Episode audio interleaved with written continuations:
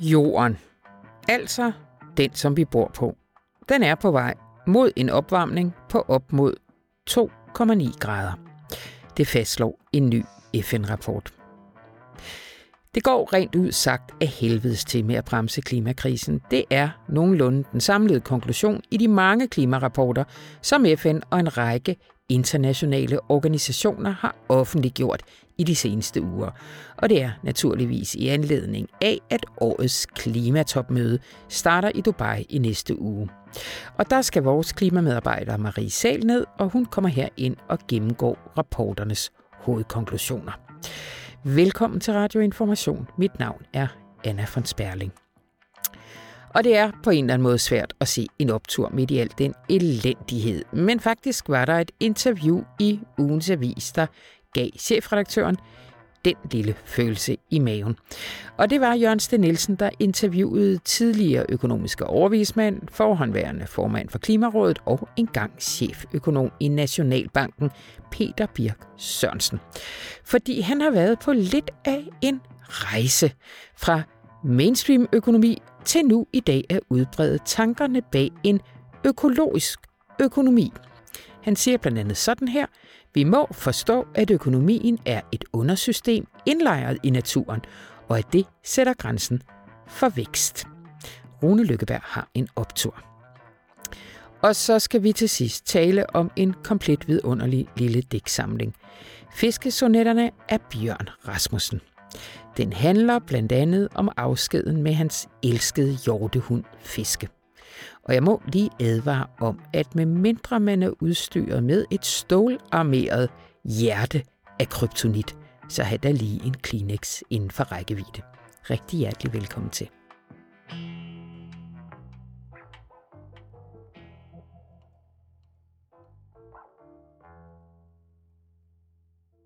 Den 30. november og 2 uger frem, der er der det årlige klimatopmøde, denne gang i Dubai. Og i den forbindelse, som det jo også sker år efter år, så timer FN og de store øh, klimaorganisationer en række rapporter. Og dem har I samlet op på. Velkommen til, Marie Selv. Tak. Sammen med vores kollega Otto Lærke. Og altså, Øh, nu har jeg jo ikke været med til idéudviklingen her, men jeg går ud fra, at det, I har givet os, det er sådan en, der hedder, det her, det er den virkelighed, som alle de her øh, politikere med alle mulige andre dagsordner og deres embedsfolk og alt det fnider skal rende rundt i nogle store konferencebygninger og handle på baggrund af.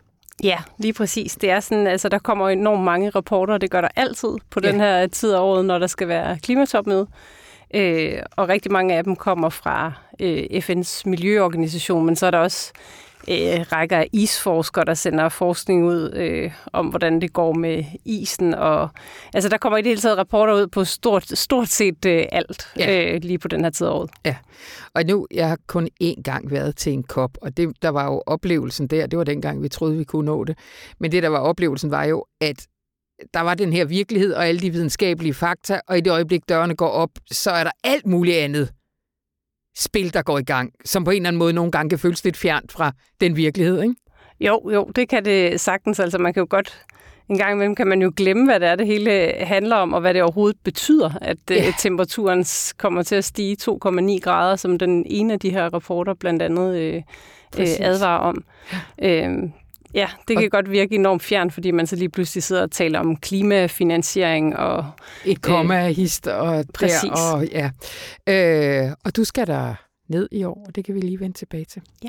Men øh, kan vi ikke bare lige tage dem? Du, I har udvalgt fem. Jeg går ud fra, at der var flere end dem. I har udvalgt fem. Skal vi ikke lige tage øh, hovedkonklusionerne? Jo. Og den første, det er så øh, den, vi kender som emission gap som også hver år udkommer i øh, FN-regi. Og den kortlægger kløften mellem de løfter om CO2-reduktioner, som verdenslandene er kommet med, og de reduktioner, der faktisk er brug for. Ja, lige præcis. Og hvordan, øh, hvordan ser det ud?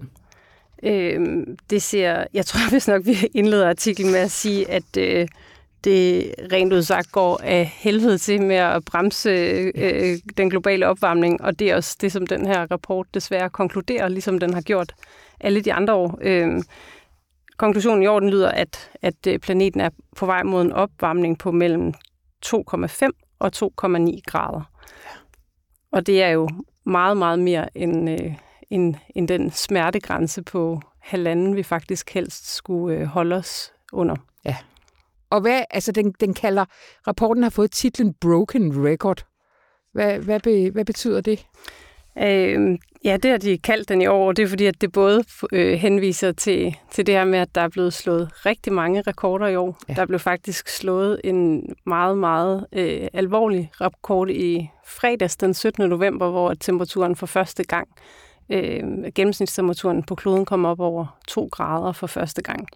Øh, det er selvfølgelig kun på en enkelt dag, så det er ikke øh, en varig øh, to graders, altså vi har ikke passeret to graders målet, men, men det, at det sker på en enkelt dag, siger alligevel rigtig meget.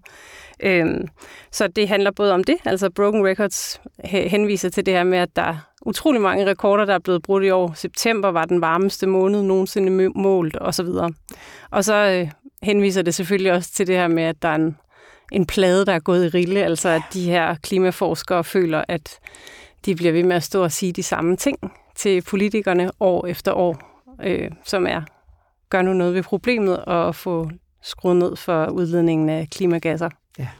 Den anden rapport, som I har valgt at øh, fremhæve, det er en, der danner et overblik over de her medlemslandes øh, klimaplaner.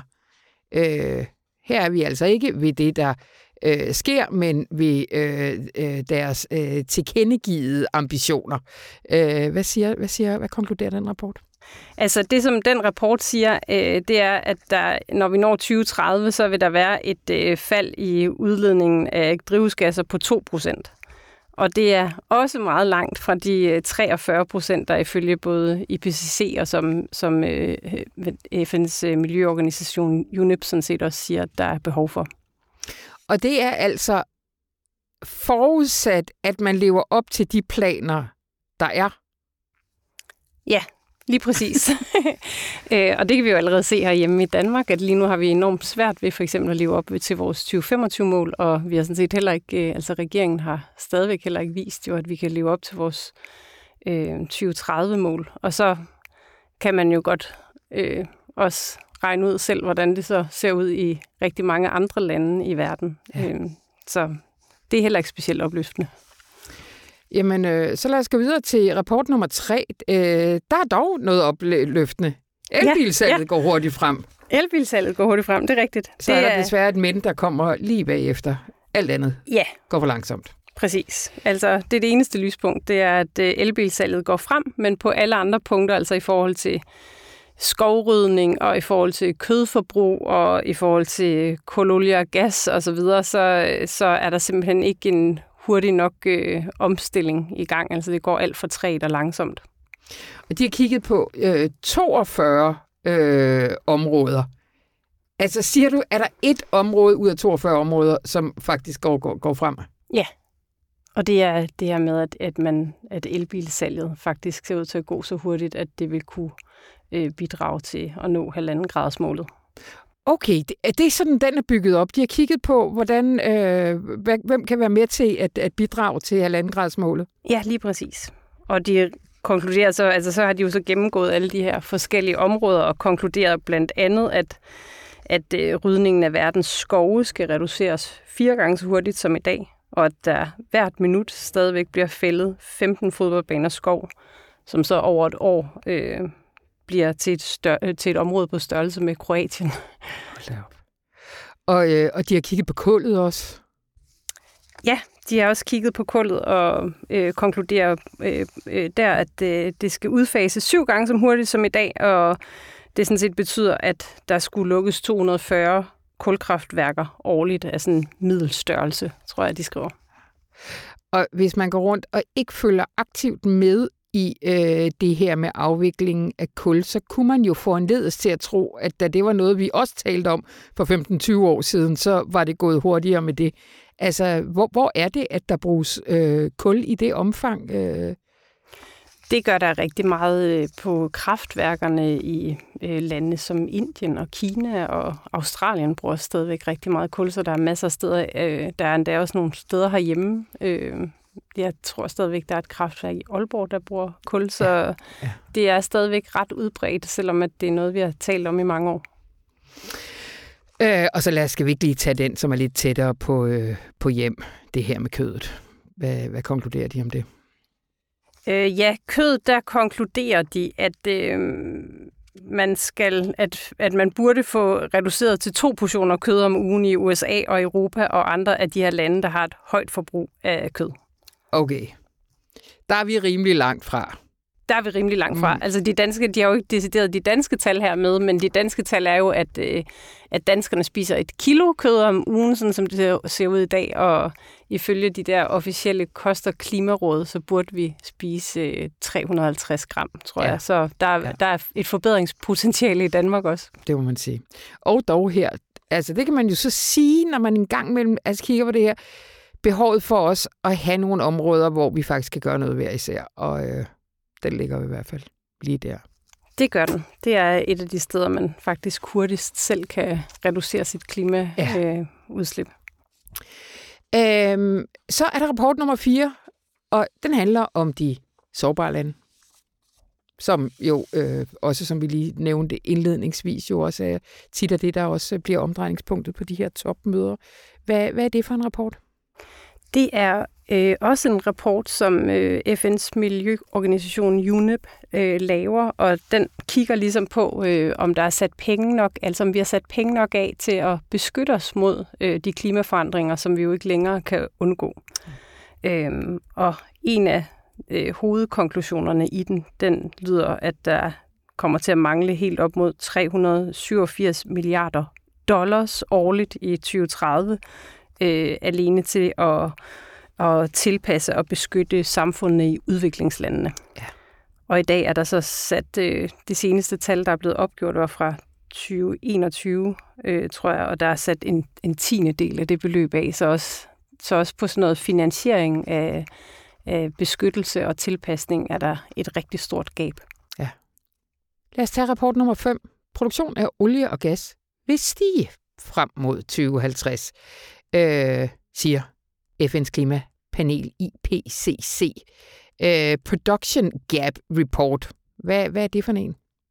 Den femte rapport er den her er også en rapport fra FN's miljøprogram øh, UNEP, som siger, at produktionen af både olie, kul og gas vil stige frem til 2030, og det vil ske, øh, altså der vil være så stor en stigning i det, at øh, det vil gøre det, altså sprænge grænsen for det her halvanden graders mål øh, med flere længder. Ja, de tal, som de har, er, ret voldsomme. Øhm, den siger blandt andet, at for at øh, nå det her halvanden graders mål, så er der lige nu planlagt 460 procent for meget kulproduktion frem mod 2030. Øhm, så så der bliver der er lagt alt alt for store øh, fossile ekspansionsplaner i forhold til faktisk at nå det her øh, halvanden graders mål. Ja. Og altså, det, det er jo lidt overvældende, det her. Og det, øh, det er jo så det, som øh, du tager til Dubai, og du skal prøve at finde ud af i, hvor, hvor, øh, hvordan de øh, prøver at på en eller anden måde hive et eller andet sted for at øh, bremse det her. Altså, hvad er, hvad er øh, koppens øh, hvad skal man sige, formål i år? Jamen, det er faktisk det her med at prøve at få bremset øh, kul og olie og gas. Øh, det var en dagsorden, man slet ikke nåede videre med sidste år, fordi at der, der skete der ligesom ikke noget på hele sporet, reduktionssporet, fordi at man at brugt tiden på at diskutere øh, den her klimafond til de sårbare lande, som blev besluttet dengang. Øh, men i år, der vil nogle af de øh, dem, der kalder sig de ambitiøse lande, øh, vil forsøge at få skrevet alle fossile brændsler ind i slutteksten. Øh, det vil sige, du siger at, forsøg. Øh, hvad, hvor meget tiltro har man til, at, at, at det kan lade sig gøre? Øh, Ja, det tør jeg simpelthen ikke at give om. Men altså, det lykkedes i Glasgow på topmødet for to år siden at få skrevet kul ind i ja. aftalen. Dog med sådan en kattelem, der hed, at, øh, at man skulle nedfase kul, øh, hvis det ikke var det, der hedder unabated. Så det vil sige, at, at, at man måtte gerne fortsætte brugen af kul, hvis man har sat sådan et CO2-fangstanlæg på. Men alt det, man ikke havde fangstanlæg på, skal man nedfase. Det var sådan den formulering, man kom frem til i Glasgow. Mm. Og det, man måske kunne forestille sig, det er, at øh, altså at det i et, øh, i et et, et heldigt scenarie kunne være en, den samme formulering, man kom frem til noget af, at alle fossile brændsler skal nedfases, øh, hvis de ikke bliver fanget i et CO2-fangstanlæg. Altså sådan noget, noget i den øh, dur. Okay. Øh, vi kommer til at øh, dække det øh, ved, at du er dernede. Ja, og så er mine øh, rigtig gode og dygtige kolleger også med herhjemme og hjælper med at øh, det er jo et kæmpestort topmøde, men hvor der sker rigtig meget i forhandlingerne hele tiden, og det sidder øh, både Jørgen Sten Nielsen og Otto Lærke også herhjemme og følger med i, så der bliver masser af god dækning på information. Godt. Jamen, øh, gå ind og følg det på information.dk, eller få dig et abonnement, hvis du, øh, hvis du er helt vild. Tusind tak, Marie selv. Selv tak.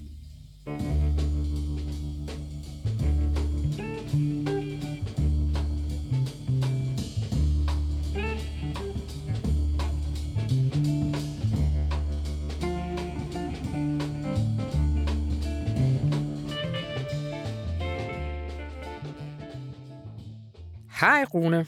Hej Anna. Jeg ved, hvad du vil have optur over, fordi jeg kan se den artikel, du sidder med, og du havde også optur over den på redaktionsmødet forleden dag, og den er også kæmpe optur. Ja, men før vi når til den artikel, Okay. så går vi tilbage til 2014. Ja. Vi har jo en gammel mentor, informations absolute vanvid, Eivind Larsen.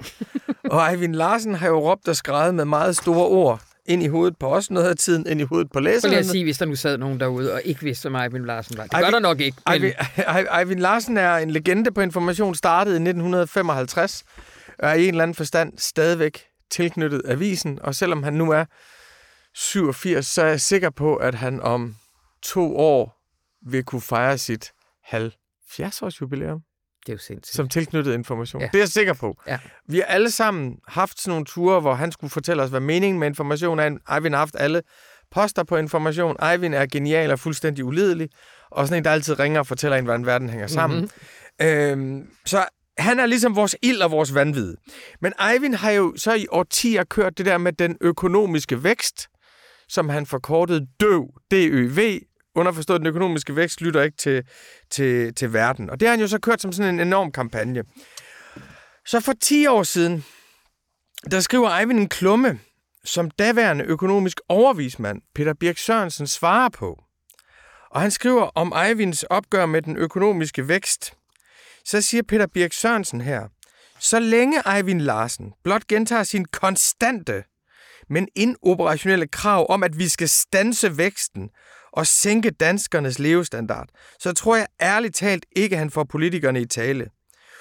Udviklingen i Sydeuropa viser jo med sørgelig tydelighed de ubehagelige sociale og politiske konsekvenser af, at man blot stanser vægten, væksten og sænker levestandarden.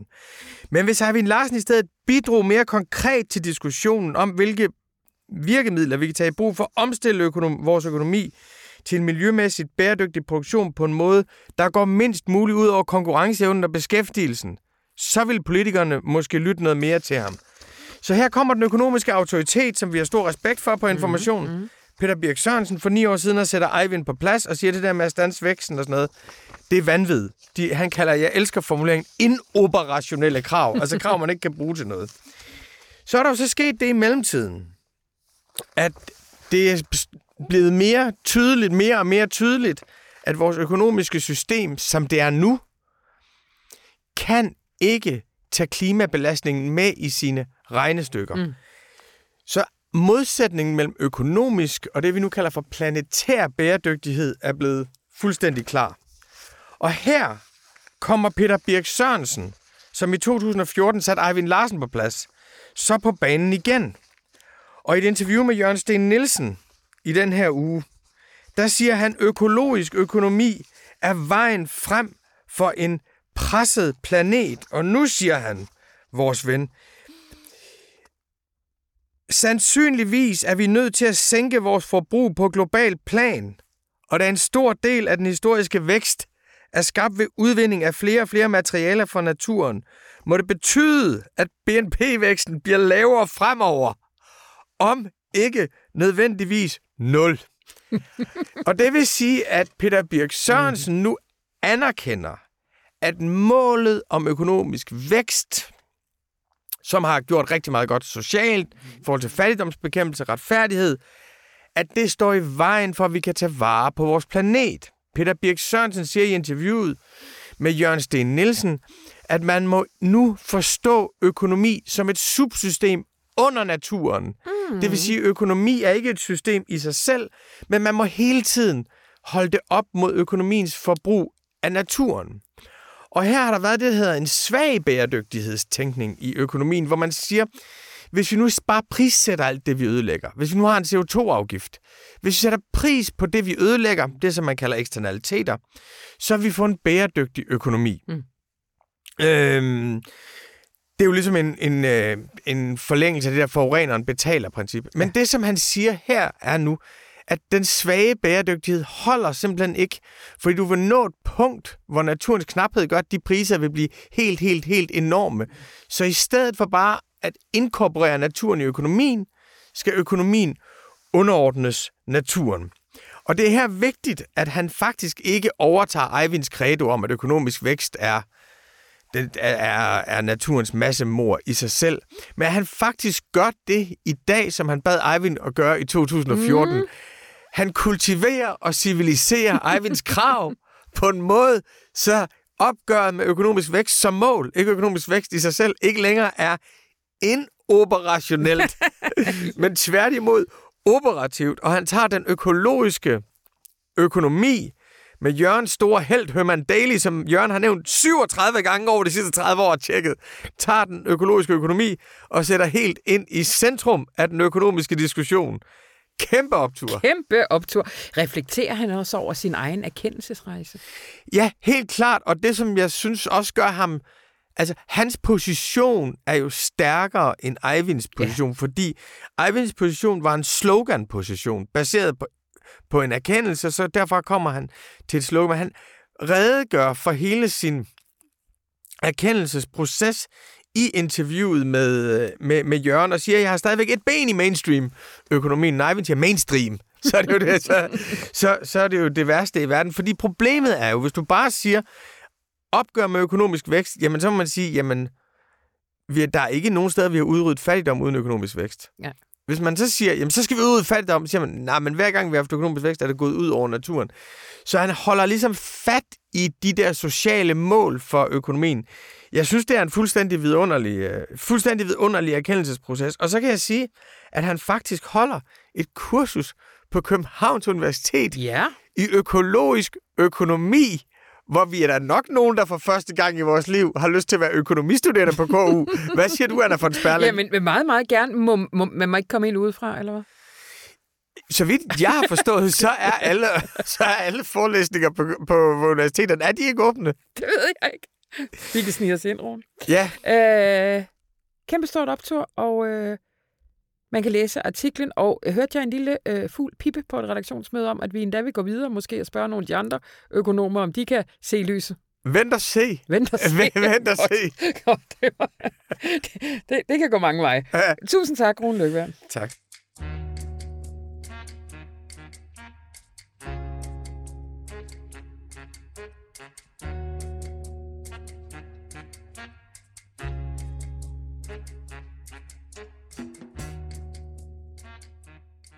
Hej Bodil. Hej Anna.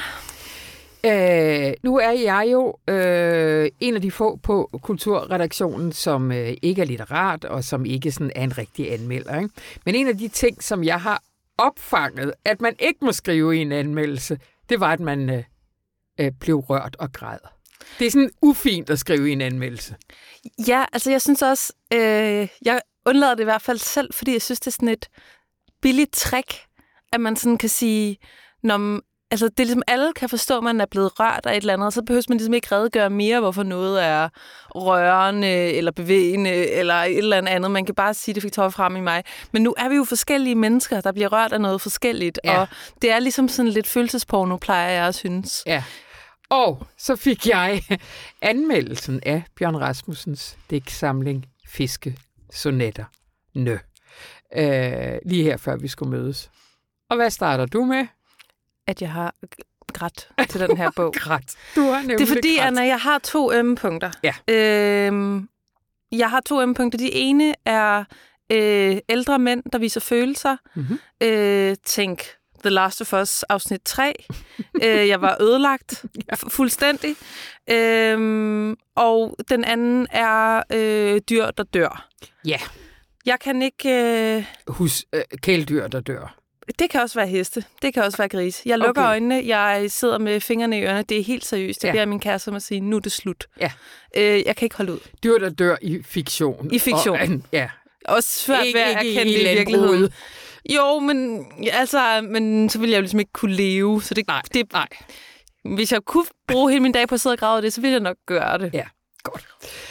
Og det er jo omdrejningspunktet for Bjørn Rasmussens nye, ikke særlig lange, du har den liggende her, øh, digtsamling. Lige præcis. 20 sider, hvis det overhovedet gør det. 15 digte i hvert fald. Sonetter, ja. det er jo en øh, relativt kort form. Sådan en øh, sonetkrans, som det her i virkeligheden er. Måske skal vi sige, at fiske er en hund. Ja, ved du hvad, du, vi kommer tilbage til, ja. Til det tekniske. Lad os starte med fiske, for fiske er også på forsiden. Hvem er fiske? Fiske er øh, en hjortehund, mm. som øh, døde anden juledag 2021. Og øh, som man også kender tidligere fra Bjørn Rasmussens forfatterskab, som en følgesvend. En, du og jeg har snakket meget om, at han beder den om at være sin værve mm. på et tidspunkt. Øh, som en, der ligesom øh, sætter øh, livet og hverdagen i systemer, som man kan regne med, øh, er der som en, en følgesvend, som også har brug for en til at blive spulet øh, bag i, når numsen er beskidt, og alt den slags. Nu er fiske så død, det her elskede dyr, af øh, noget bøvl med nogle Ja. Øh, du lægger selv lige op til, at vi går en lille smule tilbage i Bjørn Rasmussens forfatterskab. Hvad, hvad er... Øh, han er jo sådan en, en stor skikkelse i øh, dansk lyrik, der har været øh, måske en lille smule væk i nogle år. Men prøv lige at tage os tilbage til, da han, da han kom ind på scenen. Jamen, Bjørn Rasmussen, han debuterede i 2012 med den roman, der hed Huden er det elastiske hylster, der omgiver læmet. Øhm, I virkeligheden ikke en særlig mundret titel, men som handler om at være homoseksuel og begære en ældre ridelærer, og så har den meget, som der altid er i, jeg tror også, den har sådan en sætning med, at skriften flyder fra røvhullet. Øh, det er der altid meget af i Bjørn Rasmussen, men på sådan en mm, smuk måde. Det er ikke øh, sådan øh, fæses og toiletbørste, eller nu skal vi bryde grænserne for, hvad der kan være fint lyrik. Det er kroppen i alle sine bylder og væsker og udflydenhed, som, en, som, som noget, der er i verden og indgår i naturen, og i sådan, som en del af et større kredsløb. Øhm, og han er jo... Han, han skriver nemlig helt særligt om kroppen og om det at være homoseksuel og også at være forbundet. Der er masser af systemkritik også i hans digte, men det er ligesom ikke sådan, eller i hans skrift på alle mulige måder, men det er ligesom ikke sådan for os på barrikaderne, eller sådan, øh, sådan nu skal vi øh, gå til, ja, det er ikke sådan noget, nu skal vi gå til demonstrationslitteratur, eller sådan Pelle erobran nu skal vi høre om, øh, om de fattige på bunden af samfundet. Det er slet ikke sådan øh, og byggeligt vil være sådan et fornærmende ord, men, men det, er sådan, det er sådan meget mere fra den, den skæve eksistens. Det lyder også sådan lidt klichéagtigt, men han sidder altså især i nogle af de seneste ude i sådan et, øh, et lidt et kolonihavehus, lidt øh, på, på afstand af verden, og betragter ligesom verden og sig selv i den med sådan et, et outsiderens forunderlige og eventyrlige blik. Mm. Mm. Øh, og øh, fiske, som vi møder her. Ja. i Fiskesonetterne, har vi også stødt på i hans to foregående bøger. Ja, i Jeg er gråhvid og i den digtsamling, der hedder Forgabt.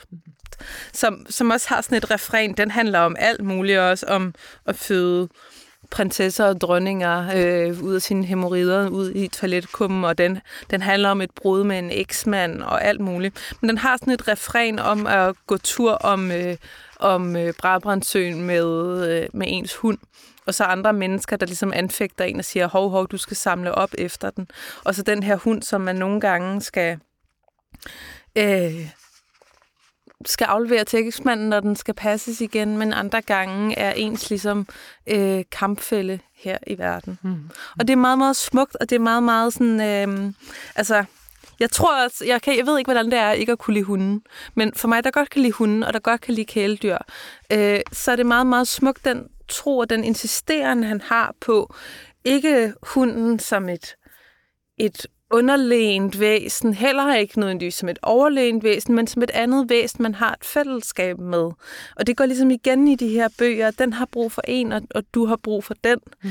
Øhm, og om det så er, hvis den har dårlig mave og skal have hjælp til at ja, så snakker som før, skulle spules bag i, mm. eller om, om det er, at øh, det er hunden, der har et bankende hjerte, som ikke ved af, af angst og skattesager og øh, biospande findes, mm. men som du altid kan putte dig ind til. Øh, det synes jeg er...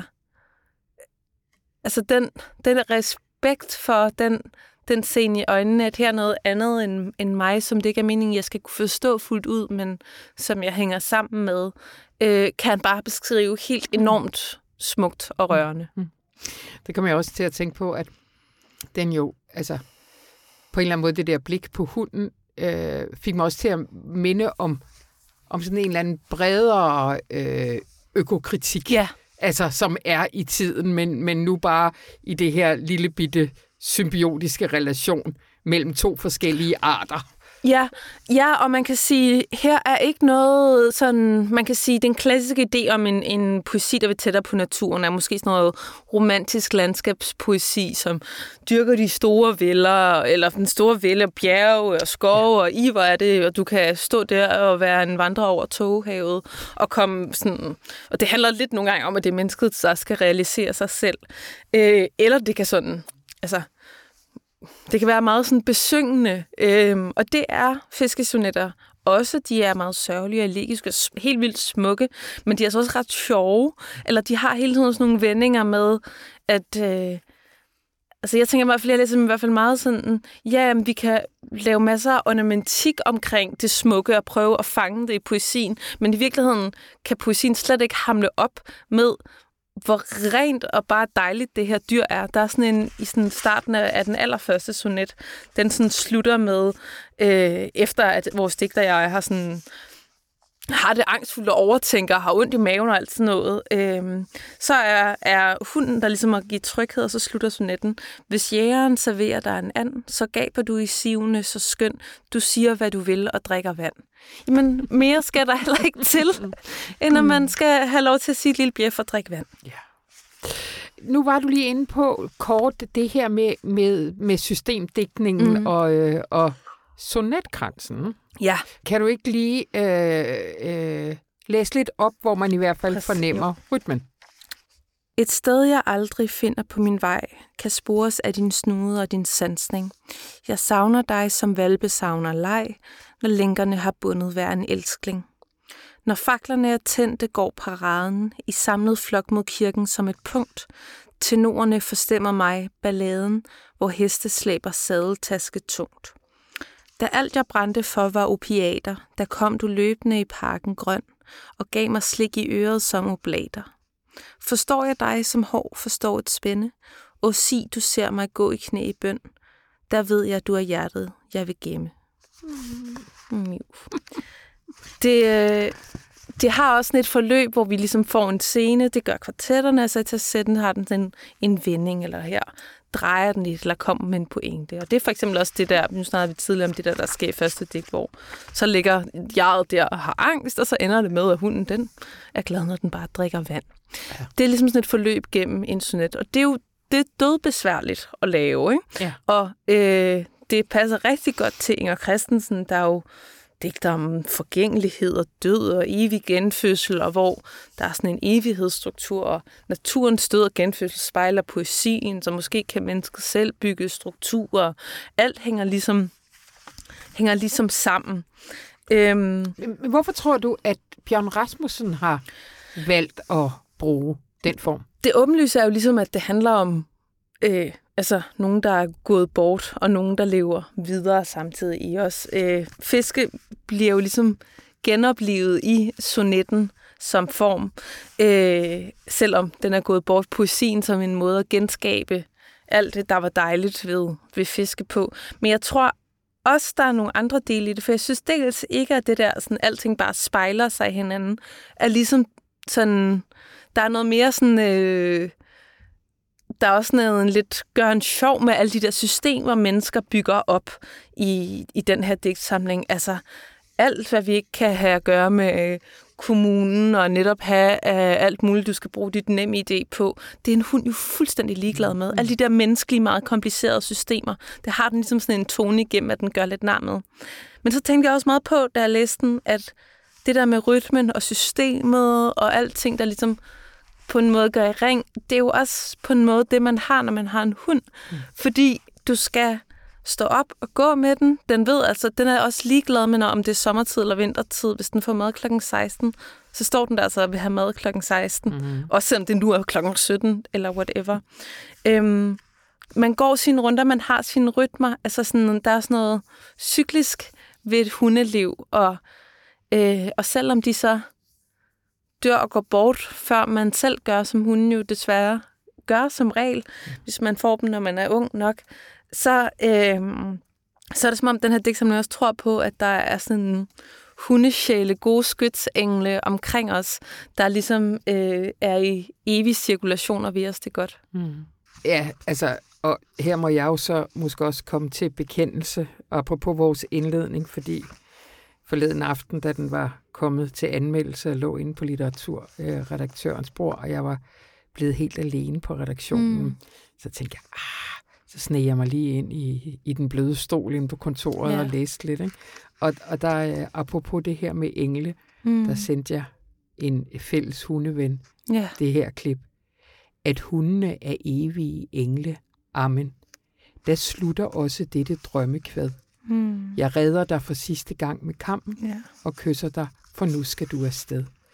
Og det er jo ja. simpelthen. Men der tænker jeg også på, at det er sådan... Ja. Øh, det er også øh, lige der sådan meget øh, øh, salmeagtigt. Det er helt vildt salmeagtigt.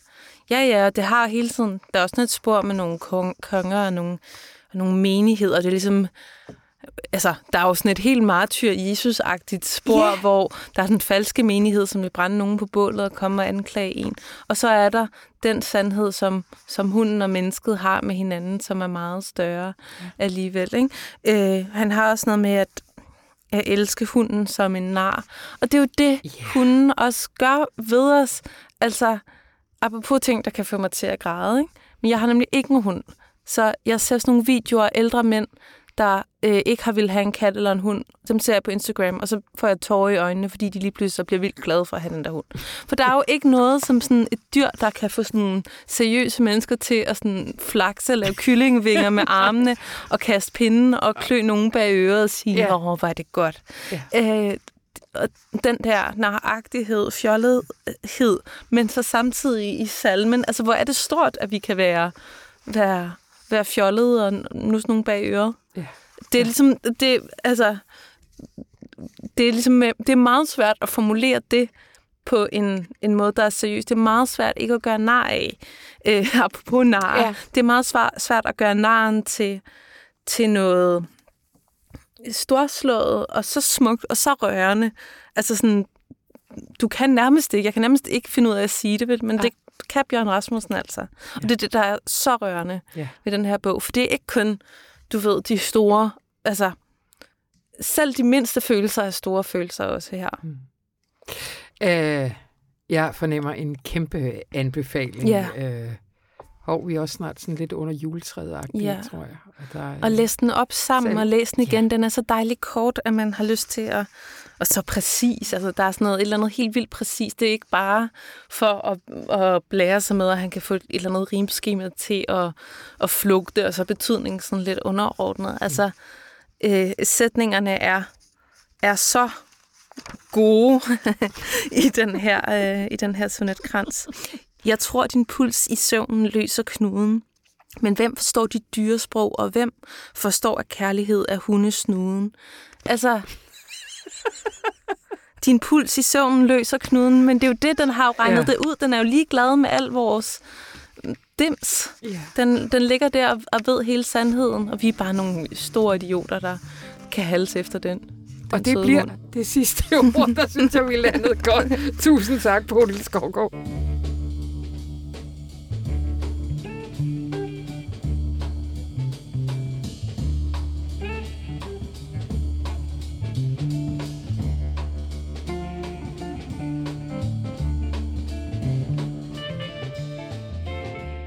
Og det var så, hvad vi havde udvalgt for denne uges aviser. Men øh, lige før, at jeg øh, slipper jer, så er der to herrer, der har bedt om foretræde, som de har det med at gøre stort set på denne tid hver år. Ja, Hej, hej. Øh, Christian Willesen og Rasmus Bo Sørensen.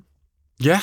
Hej. Vi, vi kommer jo som en del af sangredaktionen, faktisk som, som de to eneste medlemmer af årets julesangredaktion på Ja. Information. Det er jo sådan, at vi, øh, vi har jo simpelthen siden 2010 hvert år inviteret øh, læserne af avisen til at øh, skrive med på årets øh, julesang, og det gør vi selvfølgelig også i år. Mm. Øhm, og øh, i år er det jo... Øh, altså normalt, der står vi sådan og har nogle diskussioner om, hvad er det egentlig for en melodi, vi skal bede folk om at skrive på. Og i år var der ikke nogen som helst tvivl om, hvad det skulle være for en melodi. Det er nemlig øh, Glad Jul, Dejlig Jul. Og det er det, fordi at den på øh, mange måder ligesom sådan noget... Øh, øh, indgyder en øh, smule håb og ligesom udtrykker sådan hele julehåbets øh, tanke. Ikke? Ja. Fordi tilbage i 1818, der skrev øh, den østriske øh, øh, organist og musiklærer, var han faktisk også, Franz Gruber, den her øh, melodi, som oprindeligt har en, øh, en tysk øh, tekst, øh, øh, som er øh, Stille Og Nacht, en lidt Heilige mere Nacht. poetisk øh, titel, vil Øh, jeg lidt sige. mere poetisk titel. Han øh, fik den sådan lige øh, dommet lidt ned. Ja. Men altså, den er måske allermest kendt for den her melodi øh, at være øh, sunget, eller den rolle, den ligesom havde i under øh, Første Verdenskrig. Hvor øh, julefreden, den øh, sådan i kort øjeblik sænkede sig der i øh, 1914. Krigen, den havde ligesom øh, rumlet løs i fem måneder på det tidspunkt. 100.000 vis af folk var, var døde, og, øh, og så pludselig sådan, øh, så øh, fortonede den her øh, krigstorden og, og, og kanontorden, og så begyndte de tyske soldater at synge den her sang fra de, øh, fra de tyske skyttegrave. Og, øh, og det blev besvaret fra de øh, britiske skyttegrave. Og pludselig så, altså som så sang den øh, engelske version, som er Silent Night, mm. Holy Night. Og så var der ligesom en spontan våbenhvile.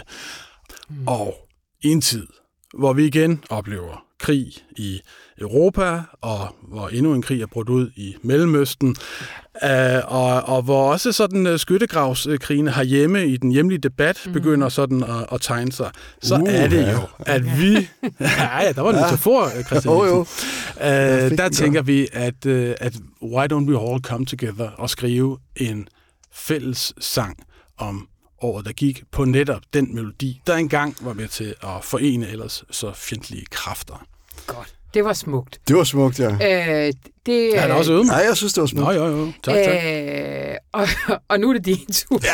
Så nu kommer vi lidt ned vi Nej, var, der var, de passer jo ikke, der ikke var tvivl. Vi, sad, vi var der i gang med sådan noget højt for træets grønne top, om det skulle være Nå, melodien. men nu, det og så blev vi enige om, at, at det var ikke der, vi var i år med Nej. sådan en glad kæksang. Vi, vi skal have en med lidt mere patos i. Ja. Ja. Men jeg vil dog appellere til, som den måske mest øh, bøvede af julesangens øh, redaktions Mm. øh, to medlemmer, øh, håbe, håber jeg, at der også kommer nogle vers fra læserne, som er øh, sjove og, øh, og øh, spidende og satiriske, sådan som der plejer at gøre. Ja. Fordi det er jo et kendetegn med den her sang. Der må gerne komme nogle højstemte og smukke vers ud af det her, men det er også lidt et eksperiment, for det er ikke en melodi, vi har brugt før. Nej. Øh, og og vi, vi er lidt vi er spændte på, hvad der sker, men jeg vil opfordre til, at man må også gerne på denne her smukke, øh, højstemte melodi lave noget sjov Ja. og ballade. For Og- det skal der være i den sang. Og øh, hvis man nu sad og var sådan, hvad, hvad, hvad, hvad kan godt være svært? Øh, har du... Har du øh, Det er sjovt, du spørger. Nå, nej, men altså, altså vi, vi lægger meget vægt på de gode rim. Ja. Øh, når vi vælger vinder. Vi vælger jo, altså for dem, der ikke kender konkurrencen, vælger vi hver uge, læserne sender øh, vers ind, og hver uge vælger vi så to vindervers, og til sidst øh, er der så otte vindervers i alt, som vi så printer i avisen den sidste dag inden juleaften. Det bliver den 23. i år, øh, tror jeg. Det gør det. Og, og hvad hedder det? øh, Og, og øh, det vi kigger på, når vi udvælger ugens vindervers, og det, det er jo en benhård konkurrence selvfølgelig, det er, hvem har lavet de, øh, de bedste rim i, blandt andet. Ja. Det går vi op i. Ja. Og vi er begge to uddannet fra, i, i, i dansk øh, fra, fra RUK dog. Finere men, bliver det ikke. Finere Nej, bliver er det ikke. Men, men, dog, men dog har vi en vis... Øh, ja, og, og vi skriver jo også selv julesangen, øh, blandt andet her, når vi holder julefrokost på information. Ja. Så vi, vi går meget op i rimene. Ja. Så det vil jeg opfordre til. Og nogle af de bedste fra sidste år har jeg taget med. Ja. Øh, og det er, hvis man for eksempel kan rime på en borgerlig politiker, så giver det altså mange point. Og der var, øh, der var en læser, der fik Ellemann til at sige, at Lars nu til 90 igen tælle kan. Og øh, der var også en, der skrev, og skulle en pressemand opdage lidt snyd med Alex Boly, så pyt det er jo vandopslag, og han er helt utrolig. Og så nogle rim er, er gode. Der var også en, der skrev, at Messerschmidt, han ligner en professor lidt. Så nogle små øh, sjove rim, hvor man måske får en borgerlig politiker med. Vi har, vi har andre år haft mange støjbærvers også. Og det rimer på møgvær, blandt andet og, og fløj her og sådan nogle ting. Så sådan nogle ting lægger vi væk på. Og så selvfølgelig, at man sætter det ind i en øh, kontekst, altså i året, der gik øh, store begivenheder. Og det kan være alt fra kongehus til Tour de France, til krig, Ja. til klima, alting. Så det skal være noget, der har relevans i året, øh, der er gået. Det er også en del af genren. Godt. Hvad, hvad gør man helt konkret? Ja, man sender til en mailadresse. Mm-hmm. Julesang, snabelaginformation.dk. Perfekt. Og øh, hvis man sender inden øh, torsdag hver uge, så er man med i konkurrencen til lørdagens udtrækning. Og øh, vi følger det jo sådan, at vi har en lille artikel med to udvalgte vindervers hver lørdag frem mod sangens fuldendelse den 23. Og I foretrækker et vers. Nej, Ej, send man godt for lige guds skyld. den Altså, gas? Ravl og Krat Altså, skriver om uh, vi- Trumps retssag, og skriver om uh, ja. jordskælvet i Tyrkiet, eller skriver om uh, ja, altså Moderaternes uh, klovnebus, hvad som helst. Vi har faste bidragydere, som ofte sender mange vers i løbet af en uge. Okay. Og ja, det kan man sagtens. Rekorden øh, er, at vi var oppe på en, der et år havde sendt øh, nogen af 80 vers. han, er, han, er, han er desværre ikke blandt os længere, men altså, det, han var virkelig en god øh, bidragsyder. Godt. Jamen, øh, den opfordring er hermed givet videre. Tusind tak, Christian og Rasmus. Og det var alt, hvad vi havde fra denne uge. Jeg hedder Anna von Sperling, og det her program det var klippet og gjort så fint af Rune Spare Gertsen. Og så må du have en dejlig weekend.